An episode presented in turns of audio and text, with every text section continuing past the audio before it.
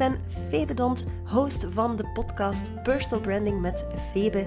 En ik hoop jullie hier te mogen inspireren over personal branding. Maar vergis je niet, personal branding is zoveel meer dan wat online zichtbaar zijn en opscheppen over jezelf. Nee, personal branding is vooral jezelf goed leren kennen en met een helder verhaal naar buiten komen. Het is een investering in jezelf als ondernemer, maar ook als mens en uiteraard in jouw persoonlijk netwerk. Ik hoop jullie van harte te inspireren en te enthousiasmeren om met jullie personal brand aan de slag te gaan. En neem zeker ook een kijkje op mijn website febedont.be, waar je een zeer uitgebreide gids vindt over mijn vijf geboden van personal branding. Veel luisterplezier! Hey, in de vorige aflevering had ik het over het feit dat iedereen een personal brand heeft en dat personal branding begint bij zelfreflectie. Maar daarvoor had ik ook nog iets heel belangrijks bij te vermelden, namelijk dat personal branding ook kan beginnen bij een nulmeting.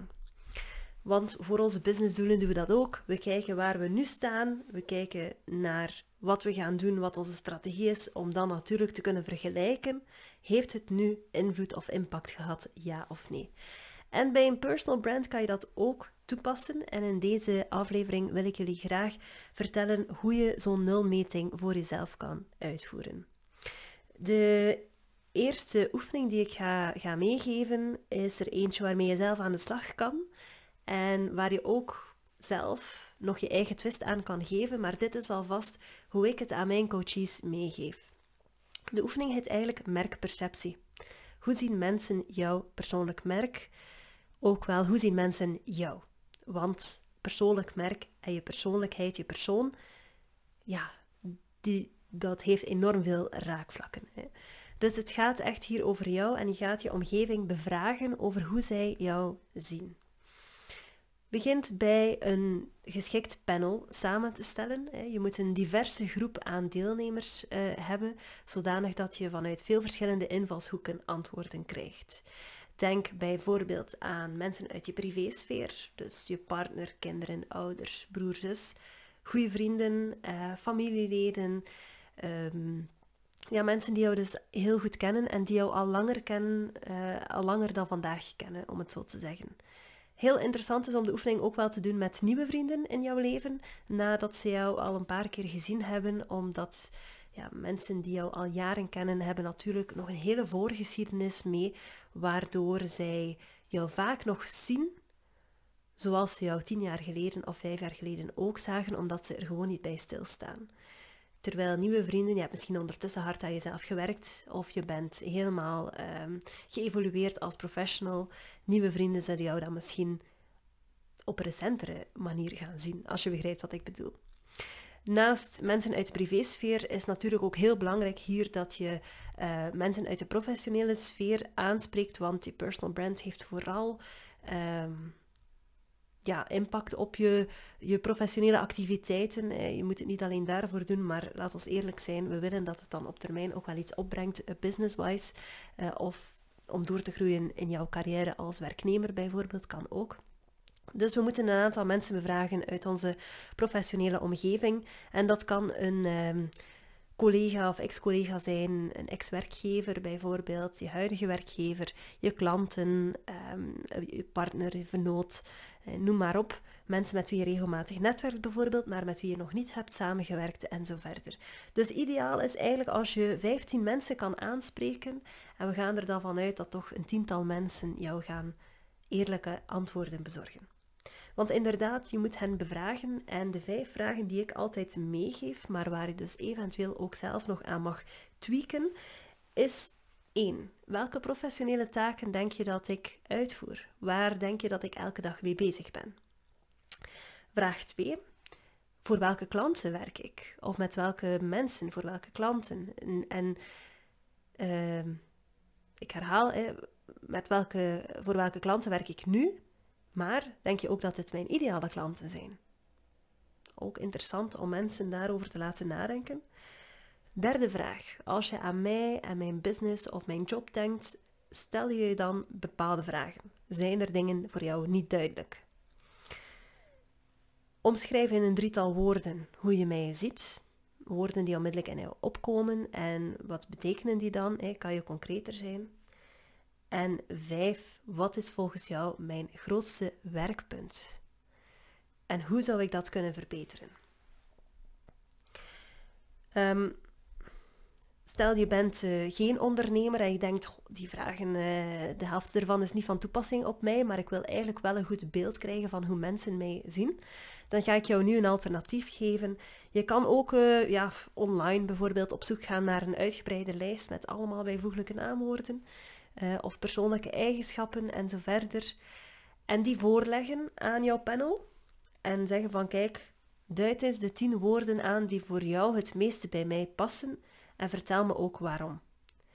Doe ondertussen ook zelf die oefening met die tien woorden en kijk bij jouw antwoorden die je krijgt of daar overlap in is. Of dat je daar um, uh, gemeenschappelijke zaken in ziet. Zie je daar een rode draad in? Wat neem je daaruit mee? Het is heel interessant om te weten hoe andere mensen over jou denken. Eh, Wees je ook bewust van aan wie het vraagt. Um, eerst en vooral aan mensen die je kan vertrouwen en die jou, die jou succes en geluk gunnen. Hè. Um, zeg er ook bij van, kijk, ik wil graag een beeld krijgen van hoe mensen mij zien. En je kan mij alleen maar helpen door eigenlijk eerlijk en constructief op de vragen te antwoorden. Als ze dat niet doen of niet durven of weet ik veel, dan heeft het niet zoveel zin. Maar kanttekening, neem de antwoorden toch ook met een korreltje zout. Er zullen heel veel zaken zijn die kloppen, waar je in kan vinden, maar af en toe zal je ook iets lezen of horen waarvan je denkt, ja oké, ik weet van waar het komt. Of ehm, dit klopt toch echt wel niet in mijn ogen. Want als mensen jou feedback geven over jou als persoon, zegt dit ook vaak iets over hen. Als mensen zouden zeggen tegen mij, um, grootste werkpunt. Ik vind dat jij te veel risico neemt. Ik ben nogthans geen grote risiconemer. Uh, dan kan het zijn dat dat komt van iemand die zeer risicoavers is. En als ik me daarvan bewust ben, dan weet ik ook, oké, voor die persoon neem ik veel risico, maar eigenlijk al bij al uh, valt dat hier zeer goed mee. Ik krijg ook bijvoorbeeld heel vaak het antwoord bij werkpunt, ja, ja je hebt niet zoveel geduld. Komt dan vooral van mijn ouders en mijn zus bijvoorbeeld. Maar daar ook, hè, um, reflecteer daar dan even over. Want ja, ik kan dat begrijpen dat zij dat zeggen. Maar um, ik neem dat ook met een korreltje zout. Want ik weet dat dat ongeduld, zoals dat zij dat noemen, gewoon eigenlijk een enorme drive is. En dat mij dat al heel veel heeft opgeleverd op professioneel vlak. Dus ik ben het daar niet altijd mee akkoord dat ik meer geduld zou moeten hebben. Misschien in privé situaties wel, maar professioneel alvast niet. Um, dat gaat dan over mij. Maar wees je daarvan bewust. Um, bekijk toch van wie de antwoorden komen en neem eruit mee wat je mee kan nemen, maar niet alles zal altijd even diepgaand of even relevant zijn en dat is ook oké. Okay. Ehm, zorg er gewoon voor dat je heel duidelijk stelt waarom je de vragen stelt. Stel ze ook duidelijk en um, nogmaals, neem ze af en toe met een korreltje zout. En goed, je hebt dan die antwoorden, wat moet je er dan mee doen of wat kan je er dan mee doen? Dan is het aan jou om eens te gaan kijken, ja oké, mensen zien mij nu dus zo, is dat wat ik wil? Of had ik toch in gedachten dat het duidelijker zou zijn waarmee ik eigenlijk elke dag bezig ben? Of vind je het uh, confronterend? Wat mensen als jouw grootste werkpunt beschouwen. En heb je wel zoiets van, goh ja, inderdaad, ik moet daar echt wel eens iets aan doen dan, kan, dan kunnen de antwoorden en de inzichten jou stimuleren natuurlijk om op een andere manier te gaan communiceren, dingen duidelijker te laten zien, te werken aan jezelf, meer in te zetten op persoonlijke ontwikkeling en zo verder. Ehm, dus dat kan je er dan uiteindelijk mee gaan doen.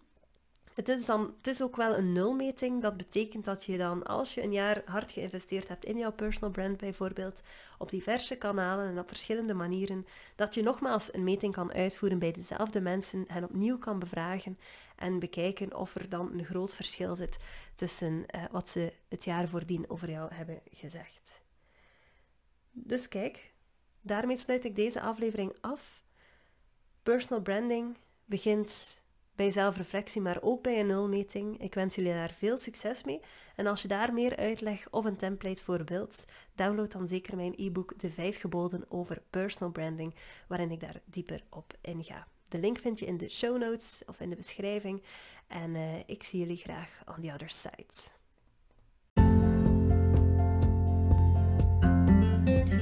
Hoop dat je iets aan deze aflevering hebt gehad en dat je er iets voor jezelf uit kan meenemen. Ik verwijs je nogmaals graag naar mijn gids De 5 geboden over personal branding, waar je een bijhorend e-book van kan downloaden met invuloefeningen. De perfecte manier om eerste stappen te zetten in personal branding. Bedankt voor het luisteren en tot de volgende.